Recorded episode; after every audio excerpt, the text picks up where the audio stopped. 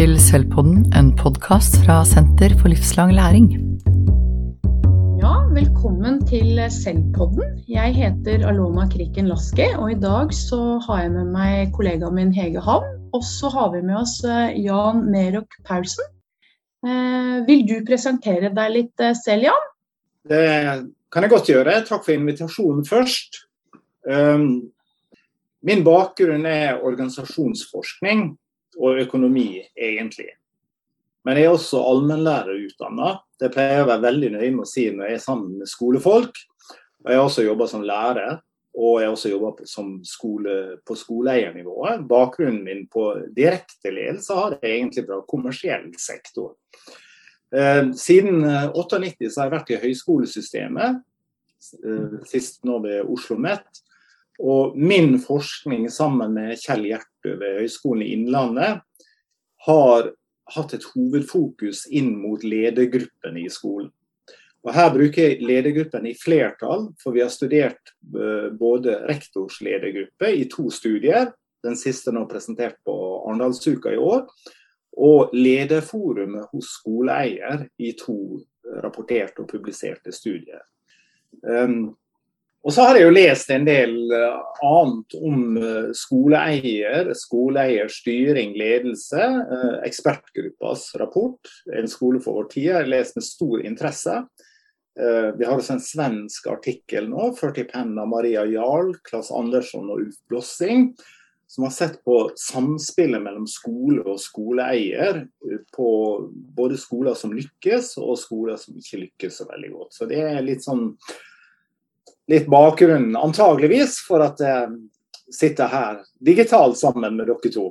Ja, fordi at eh, nå er du inne på grunnen til at vi har invitert deg hit, er jo nettopp eh, både den praktiske er erfaringen du har, men også forskningen din på hvordan skoleeier kan jobbe for å forsterke Eh, rektor sin ledelseskompetanse, og hvordan skoleeier kan påvirke det som skjer i klasserommet gjennom måten skoleeier leder rektors profesjonsfellesskap på.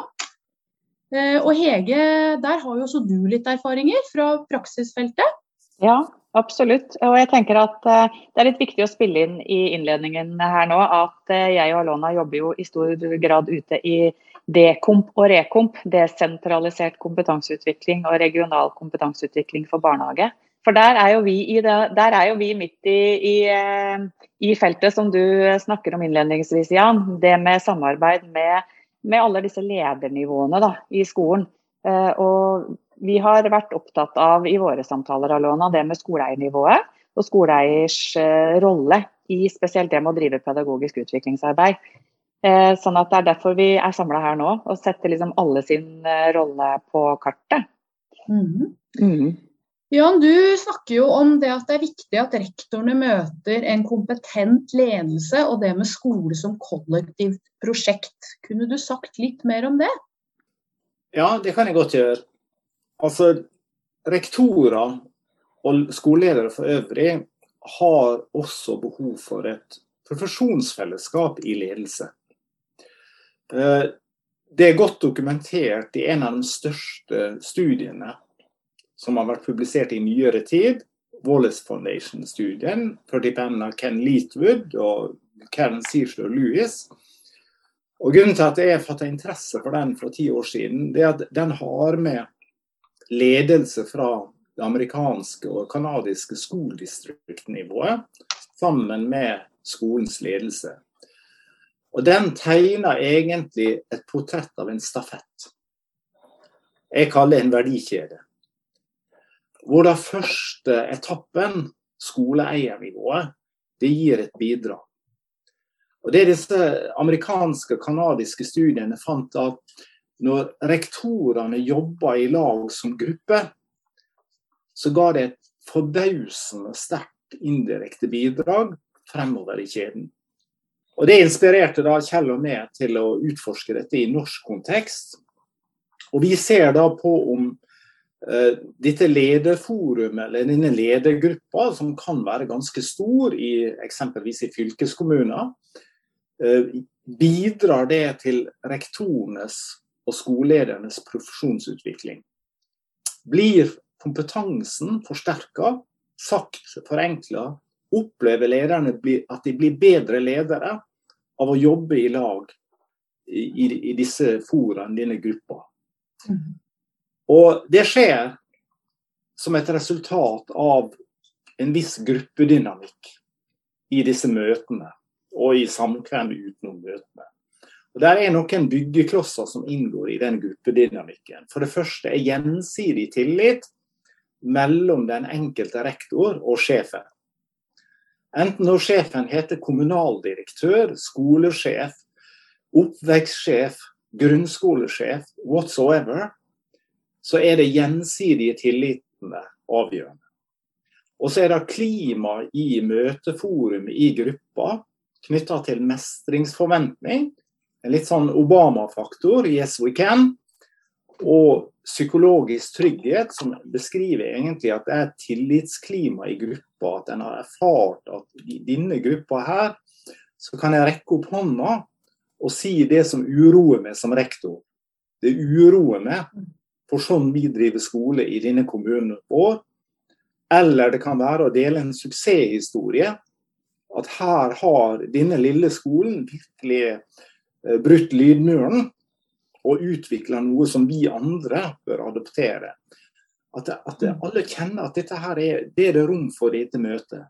Mm. Det inngår. Og det du spør om, Alona, som vi ser også, så er det viktig at rektoren opplever at når vi drar inn i, i disse kommunehusene og fylkeshusene, setter oss rundt møtebordene, så opplever vi at vi er i lag med en kompetent skoleeier. Mm. Og vi tester dette langs ganske sånne substansielle kompetanseområder som læreplan, utdanningspolitikk, skolejus, ledelse, ledelsesutvikling. Og så får vi da en eh, samla faktor som i denne konteksten her vi mener er riktig å kalle skoleeiers kompetanse. Mm. Uh, så der, der, uh, der, ser vi en helt klar sånn påvirkning, positiv påvirkning.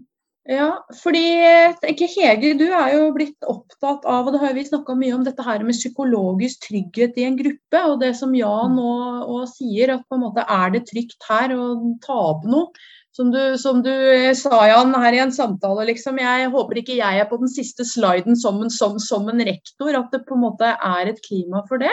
Du sier litt om, litt om betydningen av psykologisk trygghet ute i praksisfeltet for rektorene. Ja? Ja, Nei, altså Jeg er jo i, i, praksisfeltet. Jeg har jo ikke den teoretiske forankringa på det nivået du har, Jan. Men jeg opplever jo det du beskriver, eh, kanskje i, eh, i, at det er fravær av det. Eh, at den psykologiske tryggheten og den tilliten til leder og leders kompetanse, om det er skoleleder eller skoleeier, at den kan være ganske fraværende. Og så er det jo sikkert veldig mange ulike grunner til det, men det opplever jeg at gjør at arbeidet med å, eh, å, å få til en utviklingsarbeid, da, hvis man skal eh, avgrense det til det, kan være vanskelig. Og i det feltet der så opplever jeg at det er det er utrygghet. Man eh, har ganske ulik grad av forståelse av hvordan leder møter. Hvordan sette, sette dette psykologiske landskapet. Altså Én mm. ting er jo det dere påpeker som er viktig, men så er det noe med hvordan kan man hjelpe, eller hvordan skal man lage denne eh, psykologiske tryggheten og skape denne tilliten. For det opplever jeg at en del skoleeiere som jeg er i samarbeid med, syns er vanskelig. Mm. Mm. mm. Dette har jo vært beskrevet i eh, ledelseslitteratur, eh, ikke spesifikt for skole, da. Men det er klart at når vi snakker om grupper, så er det visse typer ledelsespraksiser som sterkt stimulerer psykologisk trygghet. Og det var jo Amy Edmondson, Harvard-professor, som brakte dette begrepet inn i organisasjonsforskning i nyere tid, for ca. 20 år siden. Hun argumenterte i første artikkelen sin for a coaching leadership style. Det vil si en veiledende tilnærming til å lede grupper i møte. Det å være tilgjengelig og tilnærmelig, approachable, mentalt påskrudd, for å si det sånn. Men sterkest å være å modellere.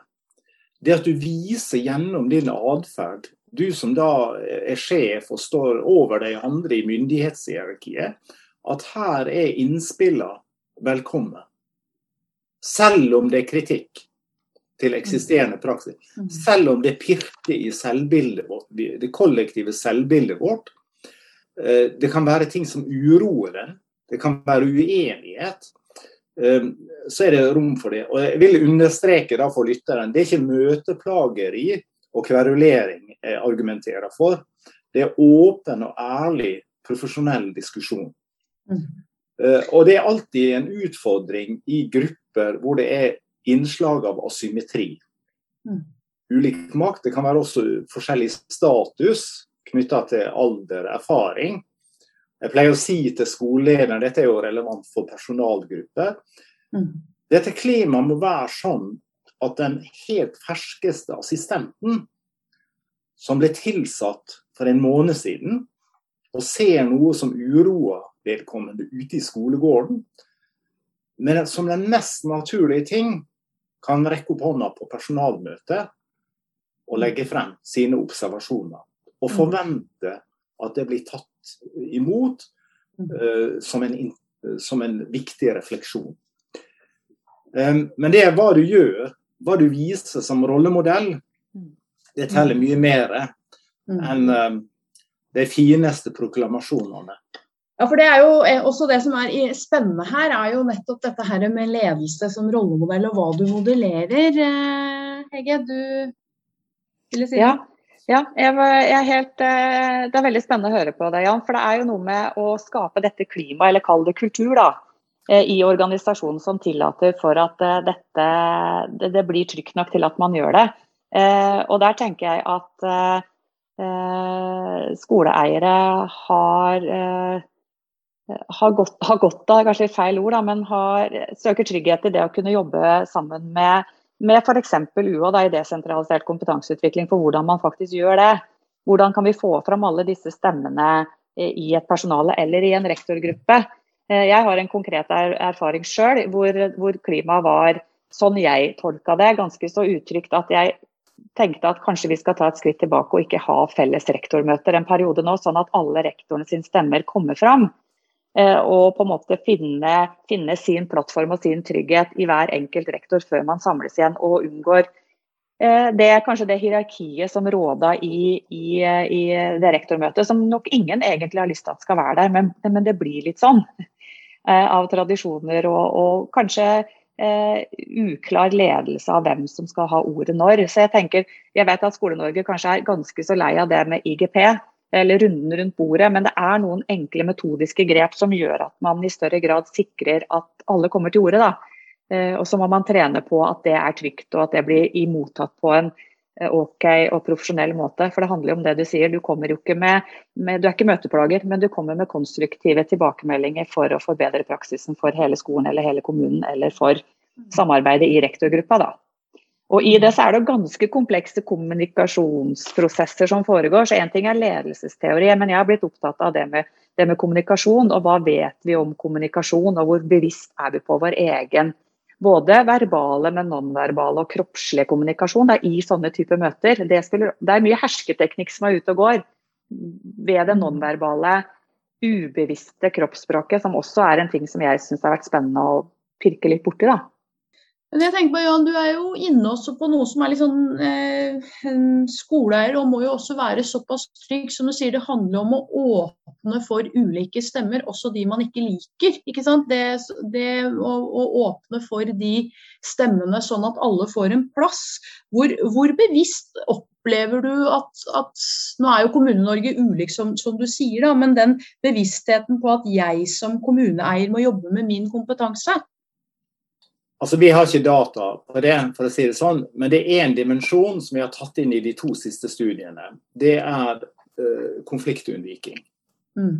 Og vi ser da særlig i den uh, rektorstudien som vi rapporterte for to år siden, som har 698 rektorer som besvarte instrumentene våre. Der definerer rektorene gjennom svarene sine det å være proaktiv til konflikter som samme sak som psykologisk trygghet. Det, vil, og det, det, belyser da at vi, vi var ikke redd for å ta opp tøffe spørsmål, selv om vi visste det var uenighet. Mm. Selv om vi visste at det ville dele gruppa i to. Selv om vi visste at det var kontroversielt.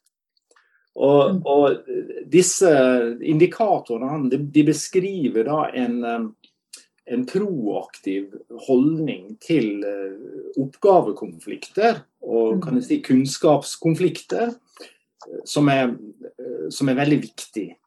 For ellers så blir det sånn at hvis det begynner å fyre litt på sylinderne, så er det alltid en som spør er ikke det kaffe snart nå. Mm. Eller lunsj Mm. eller et eller annet. Sånn, så får du liksom ikke dratt dette ut i åpent landskap. Og der, Vi blir jo emosjonelt heftig og begeistra når vi ser disse dataene. Fordi at skolelederne gjennom svarene sine peker på at det er faktisk viktig med sterk meningsbrytning også Mm. i disse gruppene. Det er et viktig poeng.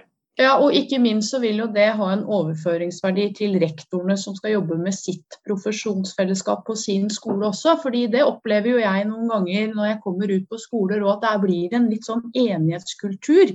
At det blir psykologisk uttrykk når noen er uenig. Mens vi tenker jo nettopp at der ligger det veldig mange gode diskusjoner. Så jeg tenker at det at skoleeiernivået også gir rom for det, er jo også viktig i forhold som en rollemodell for rektorer som skal utvikle profesjonsfellesskapet, som jo er jo veldig sentralt i, i fag, fagfornyelsen. Jeg supplerer da i den, det studien som vi rapporterte nå i, i år. Der spør vi 709 mellomledere. De er primært ute etter mellomledere i skolen, men vi tematiserer for en stor del deres opplevelse av å være i rektors ledergruppe. Og Der finner vi det samme, at de peker også på dette her med å være proaktiv til konflikter. Som en nærmest sånn to, Det og psykologisk trygghet er to sider av samme sak. Og så vil jeg si litt jeg, eh, til om tillit til skoleeier, før jeg glemmer det. Eh, I den første studien som Kjell Gjert og jeg rapporterte, da var det 937 grunnskolerektorer som besvarte skjemaet. Egentlig et ganske stort panel. Og da var vi dem langs en serie indikatorer og skåre tillitsrelasjonen til sjefen sin. Mm. Og den fordelinga var høyreskeiv.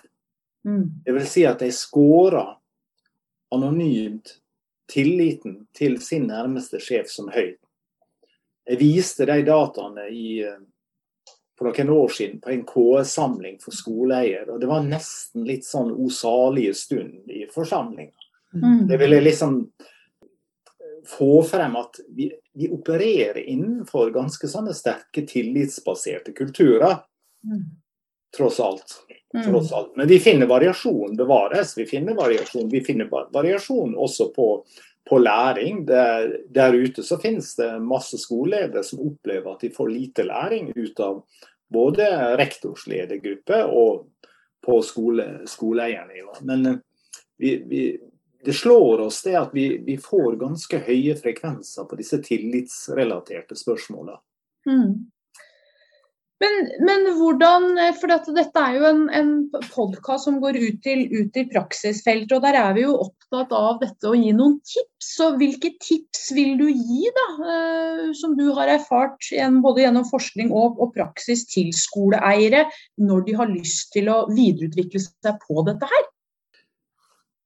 Ja, altså vi, Det vi gjorde i den uh, rektorstudien som vi rapporterte for to år siden, så tok vi litt opp kollega Knut Roald sin uh, forskning og sine praksisbeskrivelser. Og så lager vi indikatorer.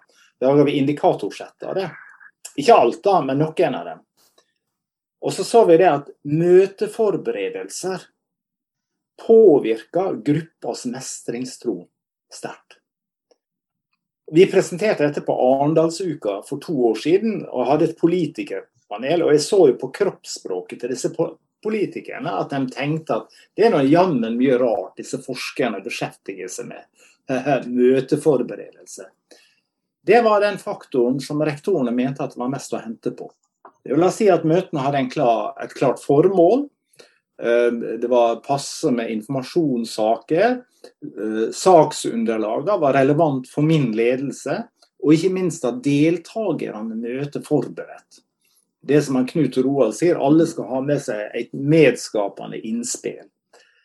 Sånn at møteforberedelse Vi sa det den gangen, ta og start med møteforberedelse. Eh, vi har en annen faktor som vi ser nå igjen slår inn, målorientering. Det er at gruppa forsikrer seg om at de har samme målforståelse, og at de jobber med det i møtet. Eh, dette høres jo helt sånn banalt ut. sånn Øverst på side 1, kapittel 1 i ABC-en. Men det er faktisk der vi får laveste verdier eh, noen ganger. Eh, det at man jobber som et team, ser vi slår inn nå i den siste studien. Det vil si at du adresserer saker som har felles interesse. Det vil da si at medlemmene trenger hverandre. Gjensidig avhengighet er det mest sterkeste definitoriske kriteriet på et team. Det betyr at det, gruppa opplever at her trenger vi hverandre. Mm. Og det er altfor mye saker som finner veien til teammøtene. Hvor medlemmene sitter rundt bordet. Alle har lært seg et kroppsspråk hvor man nikker hvert syvende minutt. Og så skrur man den kognitive energien helt ned på eksistensminimum. Fordi at det angår ikke eh, så det er sånn type på møteledelse, adressering av saker, så er det veldig mye Litt uh, møtekoreografi, og det at man liksom ikke mister stafettpinnen før man har begynt, da, sånn som jeg hører deg. At det, jo, sant, at, at det, ligger, det, ligger, en del, og det er jo veldig selvsagt, men det er klart det ligger en del med in invitasjonen som da sendes ut. Ja, så ligger det en del på møtegjennomføring. Og jeg mener at fasilitering av møter er viktig. Mm det at man, Nå har jo IGP blitt liturgi. Mm. Bortimot religiøs liturgi. Mm. Mm. At, eh, så, og Det er vel og bra, men det er mange måter å fasilitere møtet. For møtene bygger jo på, nærmest på noen dogmer. Alle skal si like mye. Men det er ikke sikkert at det er behov for at alle skal si like mye. Men kanskje er det behov for at noen skal si mye mer, og noen skal si litt mindre. Men, men, nå kjenner jeg at jeg blir litt ivrig, for jeg underviser jo i, i eh, veiledning, vet dere. Og i hvert fall at noen strukturerer hvem som sier like mye og hvem som sier mindre, og det med maktstrukturer. Så det du sier er jo nettopp dette her at skoleeier må ikke melde seg ut av møtet, ønsker skam og så bli borte, men skoleeier må lede møtene og fasilitere. Så det, det ligger en del koreografi i hvordan man leder møtet. Ja, det ligger mye koreografi. og Det trenger ikke være skolesjefen som gjør det, men at skolesjefen kan be ut fra sin erfaring, et av møtemedlemmene, kan du fasilitere denne saken? Mm. Fordi at møter, Hvis det skal være veldig anekdotisk, så starta jeg som ungdomspolitiker i 1967. Og verden har forandra seg veldig mye siden 1967, men møter ledes på samme måte. Ja, der tenker jeg, der er, jo, der er du litt på kjernen av det jeg hadde lyst til å spille inn. fordi du sier jo det at det er, det er jo banale ting, eh, men det har vel kanskje ikke så sterk tradisjon i norsk skole eh, å, å, se seg sjøl som en organisasjon. Eller se på seg sjøl at den organisasjonsteorien eller lederteorien er så relevant. At skolen har liksom fått lov til å være noe helt eget, som jeg ofte har stussa på, som jeg syns er litt snodig. Og det med de møteledelse ledelsesperspektivene dere tar opp, og hvordan organisere, hvordan fasilitere, det er også min erfaring at det forløser, forløser det du sier da, også i praksis, Jan. Um, at det blir, det blir, en psykologisk trygghet, det blir en struktur. Man kan vel egentlig bare være så ærlig og kjenne på seg sjøl at når man går til et møte med noen mennesker som har litt ulik rang eh, i, i, i min opplevelse, og jeg ikke vet hva jeg skal bidra med, eller hva som skal foregå, eller hvordan ting egentlig er, så går man jo inn kanskje fortere i en forsvarsposisjon eller en konstruktiv bidragsyter. Eh, og så En annen ting som jeg syns ofte har også, eh, fascinert meg eller forundra meg, er jo den eh, For du snakker jo om en profesjonalitet og det å være profesjonell i, et, i, uh, i jobbsammenheng. Og lærerne, og kanskje skolelederne òg, og det gjelder også meg sjøl, at man kanskje ikke alltid har tenkt på seg sjøl som så profesjonell i de settingene. At man da er der i større kraft av seg sjøl og sin personlighet, enn at jeg er der i kraft av min rolle som lærer eller skoleeier eller leder. At det noen ganger blir litt sånn utvaska. Så jeg tenker at de bitene der er veldig viktige å holde fokus på. da. Ja, altså hvis jeg, hvis jeg skal få synse litt da, her i hvert fall litt sånn eh, semisynse. Jeg pleier å si til barnehagelærere, barnehageledere, skoleledere og lærere, også skoleeiere, dere er eksperter på læring. Det fins ingen profesjon i samfunnet som kan så mye om læring som dere.